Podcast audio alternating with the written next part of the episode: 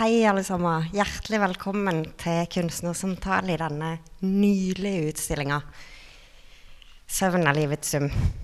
Så kjempefint at det kom og se så mange folk. Veldig hyggelig. Eh, Ann-Katrin November Høibo hun er en av de viktige kunstnerne her i byen. Med ujevne mellomrom så trekker vi fram en sånn lokal kunstnerskap som har stor betydning for eh, kunstscener her i byen, både internt og, og, eksternt. Vi er ordentlig stolte over denne utstillinga. Og det har også vært veldig fint å høre Ann-Katrin eh, som snakker om sitt eget arbeid underveis i prosessen. Så vi gleder oss til denne samtalen. Og så er vi så heldige at Jorunn Weitberg takker ja til å komme og ha denne samtalen med Ann-Katrin. Hun kom reisende fra København, eh, og det takker vi for. Jorunn er kunsthistoriker og doktorfilos. Hun er forsker, hun er skribent og kurator. Og har vært redaktør for, kunst, for tidsskriftet Kunsthåndverk. Hun har skrevet og bidratt til en masse bøker, antologier og kataloger. Hun er rådsmedlem i Kulturrådet. Hun har bl.a. vært opptatt av mellomrom mellom kunsthåndverk og billedkunst. Utvikling av kunsthåndverk fra å være en bruksting til å være skulptur. Og så har hun interesse for feministiske tråder i kunsthistorien. Så det passer jo fint i denne sammenheng. Og i forbindelse med eh, denne samtalen så har hun også skrevet en tekst til utstillinga. Og den teksten heter 'Om kunst, kjønn og arbeid'. Og den kan leses i denne fine månefolderen som Anna har lagd. Eh, den får dere gratis i dag. Eh, og vi kommer også til å legge den ut på nett hvis ikke det allerede er gjort. Og så er den ellers til salgs i butikken vår. Velkommen og god samtale. Tusen takk for fin introduksjon. Og da sier jeg det samme. Eh, jeg tenkte jeg skulle bare begynne med kort å si at Ann-Katrin November Høiby er ikke bare et viktig lokalt kunstnerskap i Kristiansand, men sannsynligvis den uh, kunstneren i Norge i dag som arbeider med tekstile material og teknikker, som har hatt størst internasjonal suksess. Intet mindre. Men hvordan disse arbeidene hennes har blitt forstått, det tror jeg har vært veldig forskjellig, alt ettersom om å lage eh, kunstverker som er tydelig, med tydelige referanser til, til minimalismen, eller eh, om det er noen som ser henne i, i, liksom i, tradisjonen for hennes læremester eh, Else Marie Jacobsen her fra Kristiansand. Eller om, bli, om hun blir promovert av Galleriet Standard i Oslo, som viser noe av det mest sånn, konseptuelle kunsten som blir laga i Norge. Eller om en opplever henne på Turner Contemporary i Margate, sånn som jeg gjorde i 2017, der det var en utstilling om internasjonal eh, kunstverker i tekstil, og der hun ble vist ved siden av Eva Hesse, Louise Bourgeois, Mona Hatom og, og lignende eh, kanoner. Så Anne Katrin November Høiby er ikke så lett å sette i bås. Og det er veldig spennende for en sånn kunsthistoriker som meg. fordi det vi driver med, det er gjerne at vi vil ha de inn i noen bestemte kategorier. Vi vil gjerne få de til å passe inn i en retning. Og hver gang jeg prøver meg på noe sånt, så smetter eh, November Høiby elegant utenom, for hun kan operere som en kameleon i veldig mange forskjellige sammenhenger. Så derfor jeg gleder meg veldig til å snakke med deg her i eh, dag. Og nå har jo du virkelig slått deg ned i Kristiansand. Uh, igjen, så jeg syns det er naturlig at vi nå faktisk begynner å snakke litt om utgangspunktet som utstillinga har her i Kristiansand. Er det annerledes å stille ut her enn andre plasser? Eh, ja, det er veldig annerledes. Man slipper eh, mye transport, eh, logistikk, og det er veldig deilig.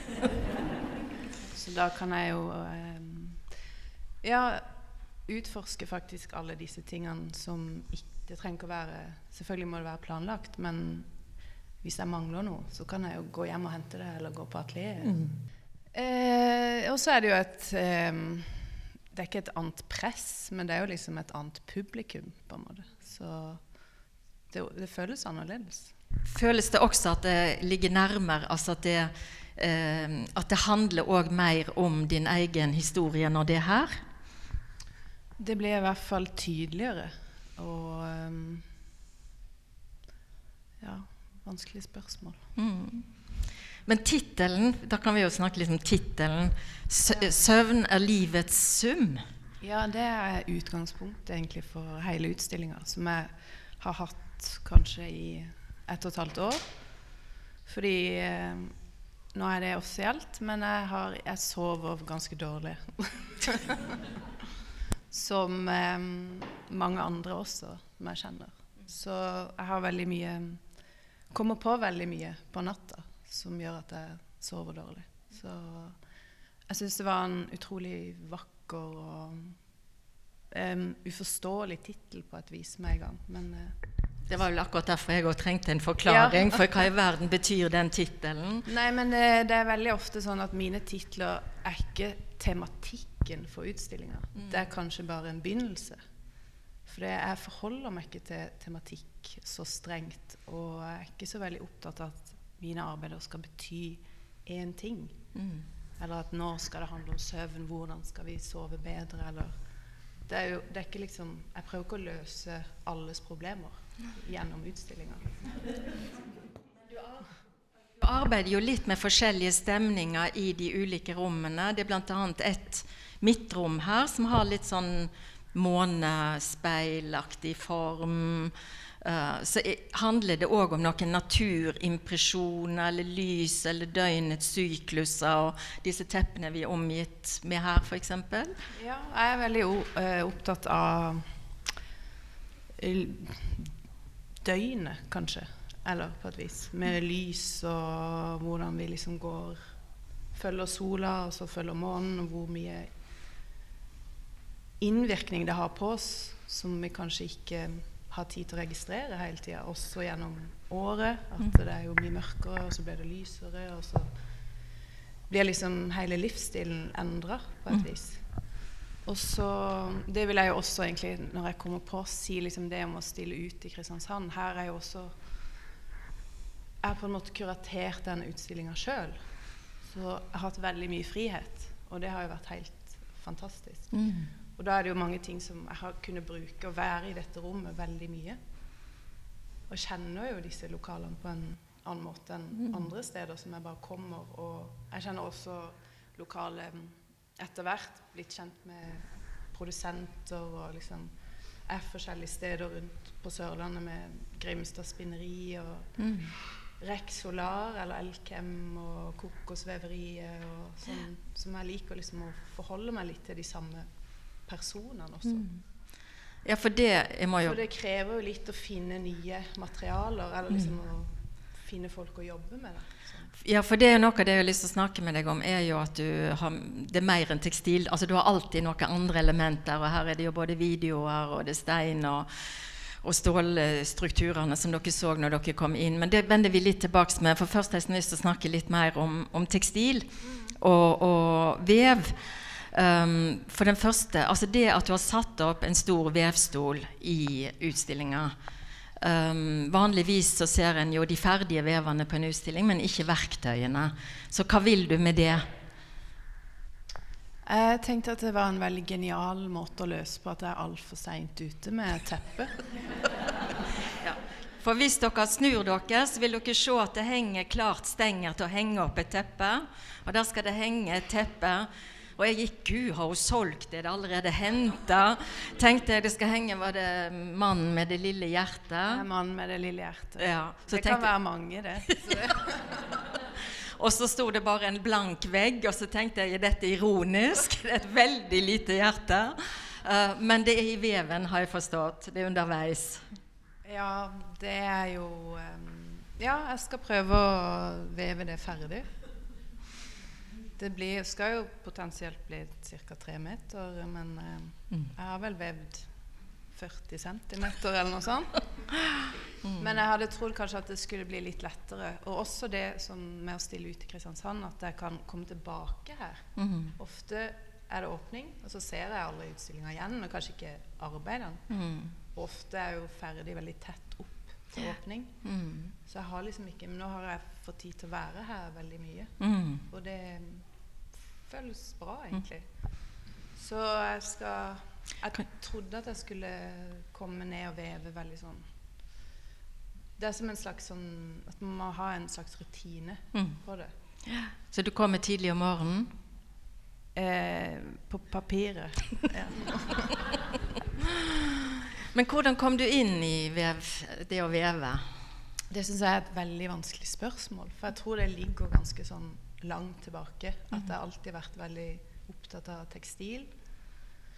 Og ja, klær Det ble jo den samtalen der. Men Mm. liksom, det er jo det vi er svøpt inn i, på en Mm. måte. Og lyst, jeg har alltid vært interessert i det. Alle mulige tekstiler, egentlig. Og så syns jeg at kanskje å veve på en måte Da kan du ta alt inn. Mm. Men det er ikke et plagg. Og så er det liksom noe Det er egentlig litt vanskelig Det er litt vanskelig um, å huske, rett og slett. For det er ikke én inngang til det. Jeg føler det er mange veier Mm. inn mot veven. Men det å ha med vevstolen, er det også en måte å framheve selve arbeidet som, som det er å, å framstille en, en tekstilteppe? Eh, Ja, jeg tenkte også at eh, det var veldig praktisk, og at det var en måte å inkludere eh, publikum, rett og slett. Også fordi at å veve er veldig usosialt.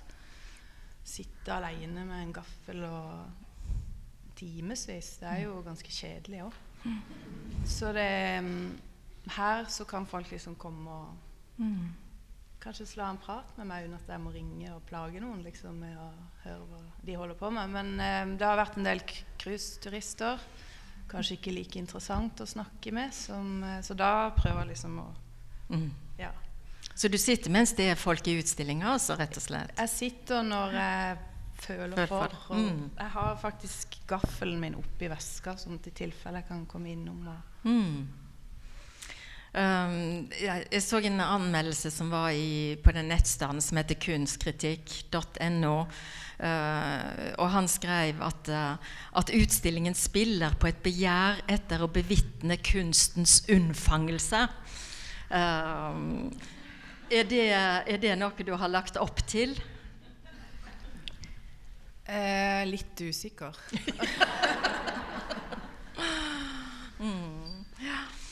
Um, men den um, Så ved siden av veven så har du jo også en stol.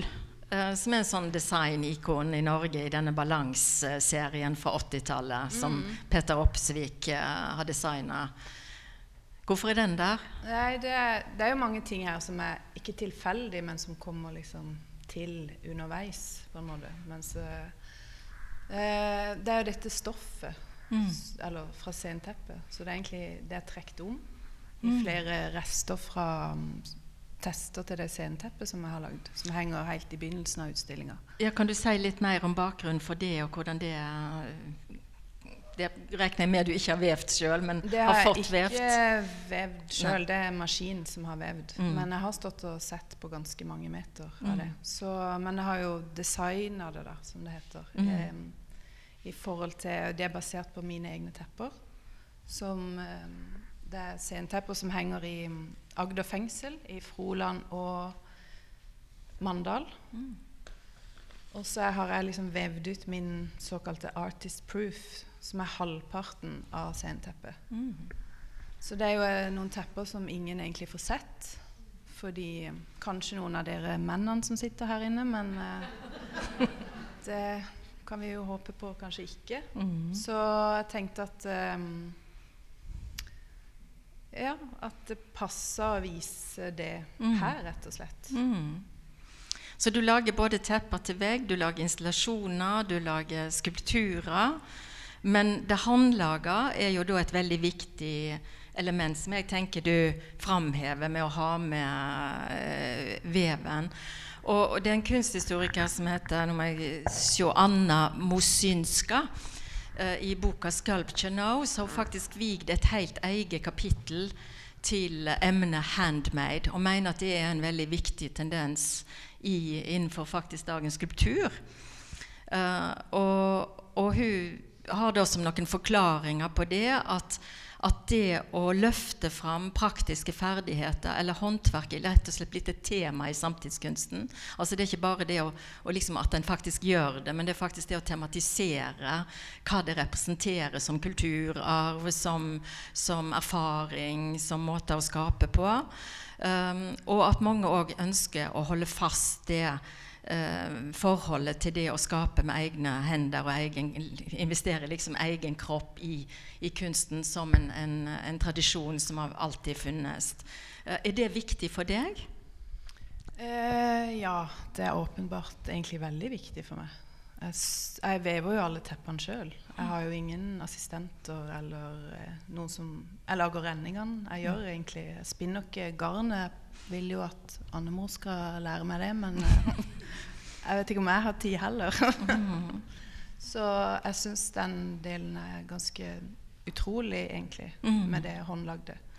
Men så har jeg liksom lyst at Jeg vil jo at det skal være mest mulig kontraster. Og sprik og eh, liksom eh, retninger inn i denne utstillinga. Mm. Samtidig som jeg har lyst til at det skal se veldig lett ut. Og det har jeg lagt merke til, for jeg har sett ganske mange av dine utstillinger gjennom årene, at det alltid òg kommer noen andre element inn, f.eks. For i form av noe readymades, noen Ikea-kurver, eller som her disse her stålgaborin... Hva er det nå heter? Gabioner. Gabioner som en bruker til sånne skillevegger og, i forskjellige um, Som du kan kjøpe ferdig ikke sant? Og, og putte stein i. Mm. Uh, og, og det er jo noe som forstyrrer oppfatninga av deg som tekstilkunstner, f.eks. Og jeg har en fornemmelse av at du liker veldig godt å sprenge deg litt ut av hvis båsene blir for trange, eller, eller som du sier, ha en kontrast. Mm.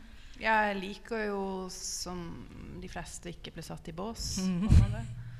Og føler at eh, jeg tilhører ikke noe Eller som kunstner Jeg vet ikke, jeg føler ikke jeg tilhører en bås, mm. hvis du skjønner. Og heller ikke ville blitt så gjerne kalt tekstilkunstner heller, fordi jeg følte det har vært viktig å bare bli kalt billedkunstner eller mm.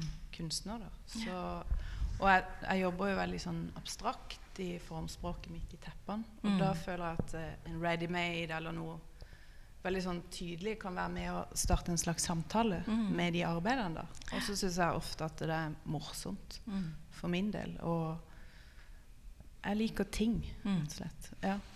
Men det å, å, å, bruke da altså krakker, stol, eh, gabioner, eh, sånne ting som vi forbinder fra andre eh, deler av eh, virkeligheten enn kunsten, og forflytte det inn i kunsten, det er jo en sånn tradisjon vi forbinder helt tilbake til Marcel Duchamp og til, til konseptkunsten på 60-tallet. Det vi forbinder med dem, er jo at de arbeider med et veldig åpent kunstbegrep. At nærmest alt kan være kunst, bare liksom kunstneren har valgt uh, det. Som liksom er det motsatte av det uh, håndverket representerer. Uh, eller det å lage kunst med egne hender. jeg bare og, si det mens jeg husker ja. det. Jeg føler at det er min rett å ta inn hva som helst, så lenge jeg også gjør noe håndverk. Mm. Interessant. Ja. Uh, men samtidig så ligger det jo i det at du nettopp har den retten, at betydninga ikke er noe immanent i verket, men noe som en setter i scene. Og Derfor lurte jeg på, når du tar det sceneteppet i begynnelsen av utstillingen, er det en måte å markere at for deg så handler kunst mest Altså det er iscenesettelsen. Det er liksom der at det er en veldig viktig del. I hvert fall er utstillingene dine veldig ofte en, en, en type sånn um, installasjoner eller måter å tenke liksom Ta et helt grep i et rom. For meg er jo egentlig en installasjon en iscenesettelse. Så det blir jo på en måte mm. mer et sånn spill, da. Ja. Eller hva skal jeg si. Det er jo en kulisse av mine arbeider, på en måte. Mm. Eller ja. Eller var det det du spurte om? Ja, jeg er helt, uh, det betyr at du bekjenner deg òg til den ja, ja. tradisjonen. Ja, jeg mm. gjør jo det. Jeg følte jo også kanskje det midterste rommet der plutselig også kunne føles som en sånn teaterscene eller mm. Eh, et eller annet. Ja. Men jeg liker å lage rom, da. Og stemning, kanskje. Mm. Når mm. det er mulighet for en hel soloutstilling. Det blir jo noe annet i en gruppeutstilling som du liksom Mm. skal plassere et eller annet inn i andres ideer òg. Mm. Jeg tenkte jo når jeg så um, disse gitterburene uh, at de minner jo òg veldig om sånn minimalistisk kunst fra Nå har jeg nevnt det flere ganger, det ordet, men det er jo en sånn retning på 60-tallet som eh, der noen kunstnere liksom tok skulpturen ned for sokkelen og begynte å arbeide bare utover gulvet. De arbeida mye med sånn grid, eh, eh, repetisjon av industrielle moduler. Og du har alltid noe i, i kunsten din som jeg føler refererer til den tradisjonen. Har det vært en veldig sånn viktig inspirasjonskjelde for deg? ja, absolutt. For jeg føler at den blandinga av det stramme, minimalistiske Da kan jeg også være mye mer slopp i håndverket mitt, på en måte. Så det er sånn derre eh, Det er de kontrastene Mm. igjen som Og så er jeg jo selvfølgelig inspirert av den tida som de fleste, på, annet, på en eller annen måte. Du har vært på en sånn pilegrimstur i USA og oppsøkt uh, jo, uh, Donald Judd ute i ørkenen, det senteret han har, har du ikke det? Jo, jeg har vært uh, meg og Tor Iver Rådnes har kjørt fra vest til øst på elleve dager. Og jeg skulle gjerne vært med på den Ja. turen. Det kunne du godt, for jeg hadde trengt en sjåfør til. Men eh, jo, da kom vi innom Marfa, som Jeg visste faktisk ikke om det. Det er jo år, det er jo nesten 15 år siden, så det var en åpenbaring for meg. For da skjønte jeg plutselig liksom hva minimalismen var. Ikke bare ting man har lest om og sett i bøkene. Men det var det vi snakka om litt, at kunst faktisk er viktig å oppleve i personen Mm.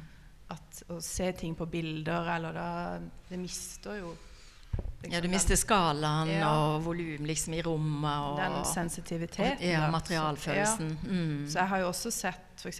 han Carl Andrell sine dikt og alt dette, men Mm. når du liksom ser at det er et Jeg vet ikke, det bare oppleves, oppleves Mm. som veldig sterkt. Og da var jeg liksom overbevist om at ja, det er ikke så kjedelig, liksom. Og Mm. Samme som når du, når du ser Picasso, som man har sett vokst opp med, og munker. Mm. Når mm. du ser det i virkeligheten, så bare skjønner du helt utrolig det liksom. Men en av mine um, kunsthistorikerforbilder, uh, Anna Chave, har skrevet mye om minimalisme, og hun er også feminist, så hun har også litt problemer med den litt sånn macho-arven som ligger i, eh, i den retorikken minimalistene brukte. Fordi nå siterer jeg henne, og skriver det som er strengt og sterkt verdsettes, mens det som er mykt eller fleksibelt, er komisk eller patetisk for mange av de som arbeider uh, innenfor den tradisjonen. Og det der jeg syns du, du både på en måte er inspirert av estetikken i dette, men så kommer du med disse sloppy tekstilene dine, som du sier. Og jeg, jeg leser det liksom som en kile inn i den tradisjonen der du kommer med en sånn litt kjønna Må lure seg inn, vet du. Ja, må lure seg inn. ja.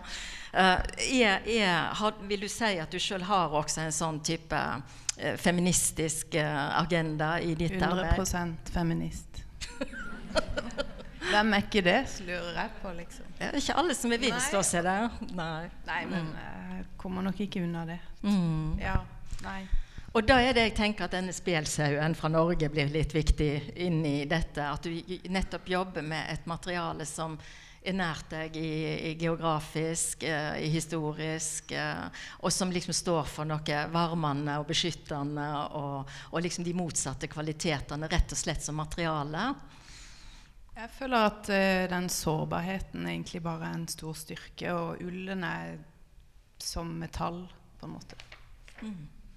Og kan du utvi utvikle det? Utdype det? Eh, ikke uten å bli helt på gråten. Så eh, mm, Nei. Ikke, eller vi må snakke litt mer om Ja. det. Men jeg ser du spiller i hvert fall i arbeidene dine, eller i hvert fall når du får det som en utstilling, mye på kontraster som, som mjukt og hardt, varmt og kaldt, naturlig og kunstig, organisk, ikke-organisk. Eh, Ja. Så det er vel et, liksom et språk du bruker? Ja, jeg har lyst til å få inn mest mulig i utstillinga uten at det skal være, virke kaotisk. Og at det skal være masse referanser, og også referanser til alle sammen, på en måte. Fordi alle opplever ting så forskjellig. Så det er liksom Jeg føler at kanskje noen kan Eller at alle relaterer seg ikke til det samme. Nei. Men det er mange versjoner av liksom en opplevelse, da. Så Og det kan jeg i hvert fall skrive under på, fordi eh, jeg skrev den teksten som dere nå får utdelt her, bare basert på bilder fra utstillinga. Jeg hadde ikke sett den. Jeg hadde bevisst heller ikke ville snakke med Ann-Katrin November Høibe på forhånd for å bli styrt av hva hun hadde tenkt. Jeg ville se hvor langt kan på en måte min erfaring og, og komme i forhold til å, å lese denne utstillinga. Og jeg kan godt stå ved den teksten, men det er jo veldig, nå har jeg veldig lyst til å skrive et kapittel til etter å ha sett den i virkelig livet og snakka litt med den, fordi den handler òg mye mer om ting som skjer her i Kristiansand, som jeg nødvendigvis ikke kunne lese ut når jeg satt nede i København og så på bilder. F.eks. disse steinene som er i disse stålkassene, og som har tittelen 'Kriger'. Um, så tenker jo jeg at stein og gitter det er både veldig sånn maskulint koda. Det er aggressivt, altså du kan kaste det. Det er noe sånn uh, voldelig som ligger i dette med steinen. Og så møter jeg det, og så sier du 'motorvei'. Jeg er jo veldig Ja, men jeg er jo veldig fortvila over uh, den Sånn som folk Eller utbyggere her i Kristiansand. Og veiarbeid som Jeg kjenner at jeg blir veldig sur med en gang. Men bare E39, sånn som de har bare sprengt gjennom og tar for seg av naturen. Og all utbygginga i Kristiansand. Og det det er veldig skremmende, rett og slett. Og de sprenger fjell som det skulle vært hår som vokser ut igjen. Og setter em, stein i bur. Så det er jo egentlig liksom en ganske god humor på en sånn tragisk måte, da.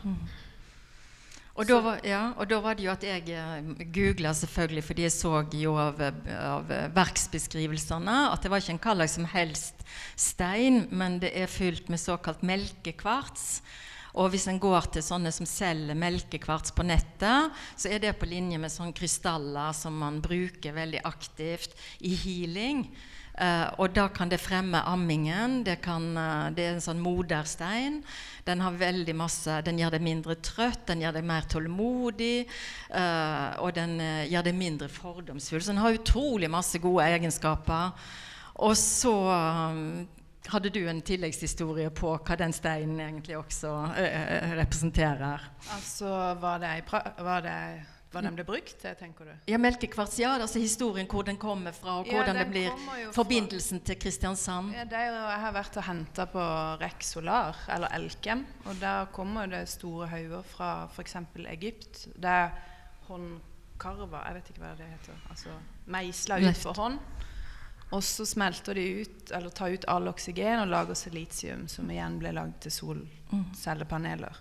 Som er en slags grønn vasking. Men de tar jo ressurser fra hele verden også, og lager store depoter. Eller deponier, er det det heter. Som egentlig betyr søppelfylling, da, rett og slett. Så det er jo, et, det er jo det jeg liker, at um, At det er flere lag. Så det er jo en slags vev av mening. -hmm. At det er liksom Det er jo politisk, men det er også sånn som jeg sa til deg, at det er jo egentlig yogamatter her i ull som er vevd. Så ja, jeg er opptatt av det rundt meg, og um, opptatt av det som skjer inni meg. Så jeg prøver på en måte å koble det opp. Og det som jeg da synes blir det ene laget, er jo at det som er f.eks. disse kokosmattene, de blir jo i dag vevt i eh, India, men importert av et firma her i Mandal, som før produserte kokos, altså var et kokosveveri, det eneste i Norden vel i, i starten.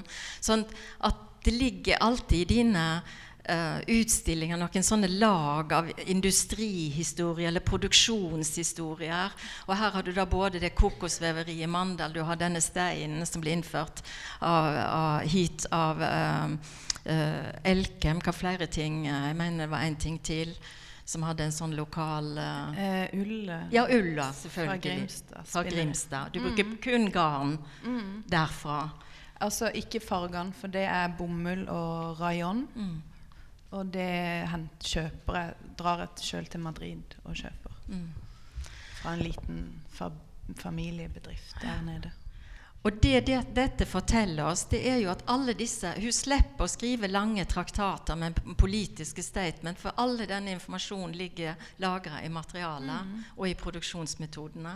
Og da har du liksom både designeren, du har håndverkeren, du har kunstneren eh, som, som møtes, og du har historier om disse forskjellige produksjonene. For disse kokosteppene er jo også sikkert mer eller mindre håndarbeid fra, fra India, akkurat som steinhoggingen. Um, Jeg har eh, tidligere hatt et eh, annet type kokosteppe som var vevd i sånn fiskebeinspakett. Men fordi at det har vært så dårlig vær, og de hadde solgt liksom familiebedriften, så var det så dårlig kvalitet på både veven og materialet. Så nå er det mer eh, Nå er det ikke vev, nå er det de kokosmattene som er som en dørmatte. på en måte. Mm. Så man kan jo tro at eh, materialene Eller det er interessant òg, fordi derfor også jeg liker vi, gøy å se gammel kunst, for det er jo materialer som ikke fins lenger. på det det. Så etter hvert med Ikea òg, det vil jo ikke være de samme materialene, selv om man tror at det er uendelig av det. Mm. Og innenfor den eh, konseptuelle kunsttradisjonen som du ble utdanna I hvert fall vil jeg tro det var veldig sterkt i, da du, det året du studerte i, i Frankfurt, på Stedelskjole.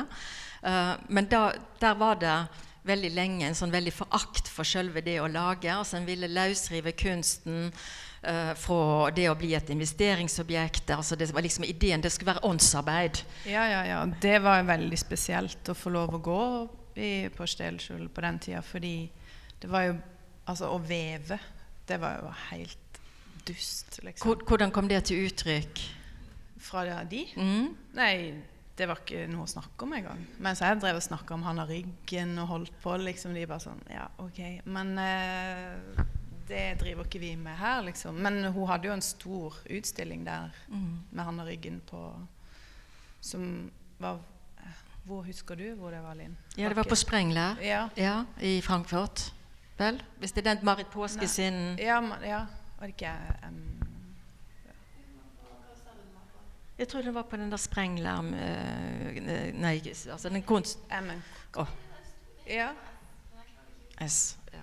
ja. Men uansett, så Skirma, ja. Ja, så var, Skirma, hadde jo hun en stor uh, utstilling der Mm. liksom, noen år etterpå. Det var jo veldig gøy for meg. Absolutt. For det som har skjedd liksom fra Ja. 90-tallet til 2000-tallet, er jo det man snakker om som uh, en materiell vending. Både i vitenskapen og i uh, kunsten. Og det er helt sikkert mange grunner til at vi har fått en sånn vending, men en av de er at mennesket har på en måte redusert litt sin egen betydning omsider og gitt mye mer verdi til, uh, til naturen, til, til um, planter og dyreliv, uh, som noe som vi må uh, Som har en egenverdi. Um, og ikke bare det, men som er noe som òg stiller krav til oss Uh, som har en, en handlekraft. Altså det blir tillagt en handlekraft. Og det er en annen måte å tenke om materialer uh, på, og ting på. Så jeg tror det er kommet inn en, en helt Altså vi ser det uttrykt gjennom en mye større sans for materialene sin egenverdi og interesse for prosess. Ja, og det er jo også noe jeg alltid har vært opptatt av. Mm. Egentlig helt fram til åpning av en utstilling, så er det i prosess. Så Og håndverket òg, for Mm. min egen del. Å liksom akseptere min egen jobb. Mm. Så er det noe som jeg kan rettferdiggjøre det på en annen måte når jeg sitter og jobber med egne hender. Men kjenner du deg òg igjen i det at materialet sjøl stiller krav til deg? Altså at materialet på en måte har en vilje? Ja, det leder, det leder meg jo.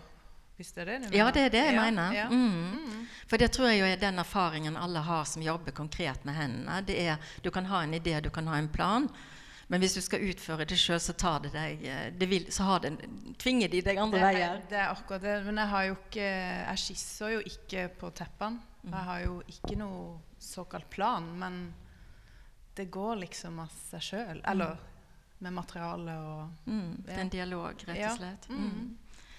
Um, du har, men du har jo et veldig sånn spesifikt formspråk da, som gjør at en kjenner igjen dine tepper. Og det er særlig denne her liksom lynet eller sikksakk-formen. Har den en bestemt Jeg vet ikke hvorfor det er blitt sånn, for å være helt ærlig, men jeg bare Jeg var jo veldig dårlig til å veve. Så jeg bare tenkte at jeg skal gjøre det uansett åssen det blir. Og hvor langt det blir. Og, så jeg bare Jeg fortsetter bare. Og så kanskje det kommer noe form etter hvert. Men det er akkurat som Det har en slags rytme som naturen. Det er noe det, det, det, det faller på plass på et vis. Har du fått kritikk fra de som virkelig er gode til å veve på ditt håndverksmessige utføring? Mm, ikke lenger nå. Men du har uh, før? ja. Ja, jeg har det, men uh, det tok jeg faktisk litt som et kompliment. Det, for jeg syns jo ikke alt var like spennende der heller. Kan det bli for uh, flinkt? Altså, Er du redd for at det liksom skal virke For meg? Ja? Nei. Nei. Heller motsatt. Jeg prøver å være så god som mulig. jeg. Nettopp. Mm. Um, er det noe du syns vi burde komme inn på som vi ikke har kommet inn på? Som er viktig å formidle? Det kommer jeg sikkert på etterpå. ja, du, midt på natta når du Ja. ligger søvnløs. Ja, det er det. Jeg kjenner godt den. Men det er kanskje noen spørsmål? eh, Det kan det òg være. Uh, Eller har du noe? Ja, jeg kan godt fortsette å snakke. Jeg. Det, det er ikke noe den. For jeg, vi har jo ikke vært inne på videoen din, nemlig. Den er jo litt kryptisk.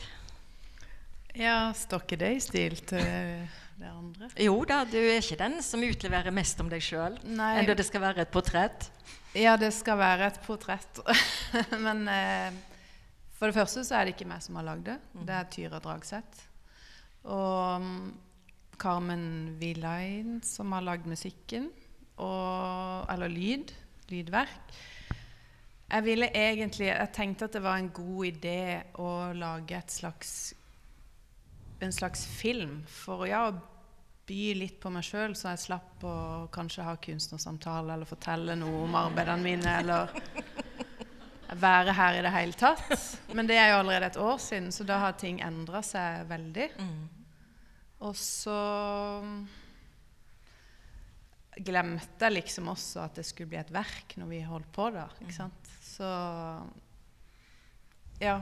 Jeg, jeg har ikke så mye kontroll på den filmen, rett og slett. Men jeg ser den har en estetikk som av og til går igjen i dine egne arbeid, og bl.a. i det der første arbeidet som jeg ikke vet helt hva jeg skal kalle sånn rent teknisk, men det er en projeksjon over på en, på en eh, liksom firkant. Og det er at tingene er sløra. Ja. Altså at du liksom du kan ane, Er det litt den der søvn, drøm, flytende tilstand, eller Ja, det er en blurry tilstand. Det, det verket helt innerst bak sceneteppet, det, det er sånn det ser ut hjemme hos meg, ved siden av oppstaveven. Fordi det lerretet, som er Sky, det er fra 2012, som er stilt ut på Standard. Første utstilling. Apropos minimalisme. Og så har jeg hatt det hengende hjemme hos meg. Det var sånn, Hva er det der for noe? Et tomt lerret, liksom. Og så fikk jeg meg prosjektor, og så bare var det helt perfekt å se på TV på det På kunstverket. Ja. Og så også når jeg har vevd, så har jeg liksom Noen ganger kjeda meg, så har jeg satt på den prosjektoren. Og så har det ikke vært mørkt, for jeg har jo ikke sånn blendere. eller liksom. Så det hadde vært veldig diffust. Og så når jeg har ligget liksom på natt, og så har jeg tenkt sånn Jeg skal ta med meg hele det. Skal jeg ta og lage en film, og så vise det akkurat som i den blurry tilstanden der. Så det er jo også sånn verk kommer til fra livet mitt. Ikke sant? Eller det som jeg omgås med i det daglige. Jeg syns det er veldig fascinerende at du ikke på en måte er mer ekspresjonistisk eller vil tømme din sjel og utlevere deg sjøl eller ditt liv til oss, men nettopp holder såpass masse tilbake som gjør at du må stole på at at formspråket ditt og ikke minst materialene da vekker nok gjenkjennelse eller eh, eh, publikum til sjøl å måtte komme med sine opplevelser og erfaringer i møte med det.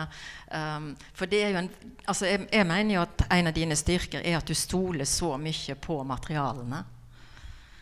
Ja, jeg gjør jo det, men jeg tror jo kanskje også at ting er tydeligere enn, vet, enn det kanskje er. Eller sånn, for jeg er jo så inni mitt eget formspråk, på en måte. Men jeg er jo absolutt veldig privat. Men jeg vil, jeg vil at ting skal være litt kryptisk. Og ja, og så tror jeg jeg har en god materialfølelse. Det har du. Og, og, fargesans har du. Takk. og det, det er jo også noe som snakker til følelsene. Ja, det er jo Men hvor mange av dere hadde tenkt at formatene på disse vevde teppene er som en yogamatte? Men nå vet dere det, og nå kan dere tenke litt på det mens vi eh, skal skifte eh, For jeg tror vi begynner å nærme oss den pausetiden. Uh, vi skal skifte lokale og, og finne plass. Tusen takk for samtalen. Tusen takk, Jorunn.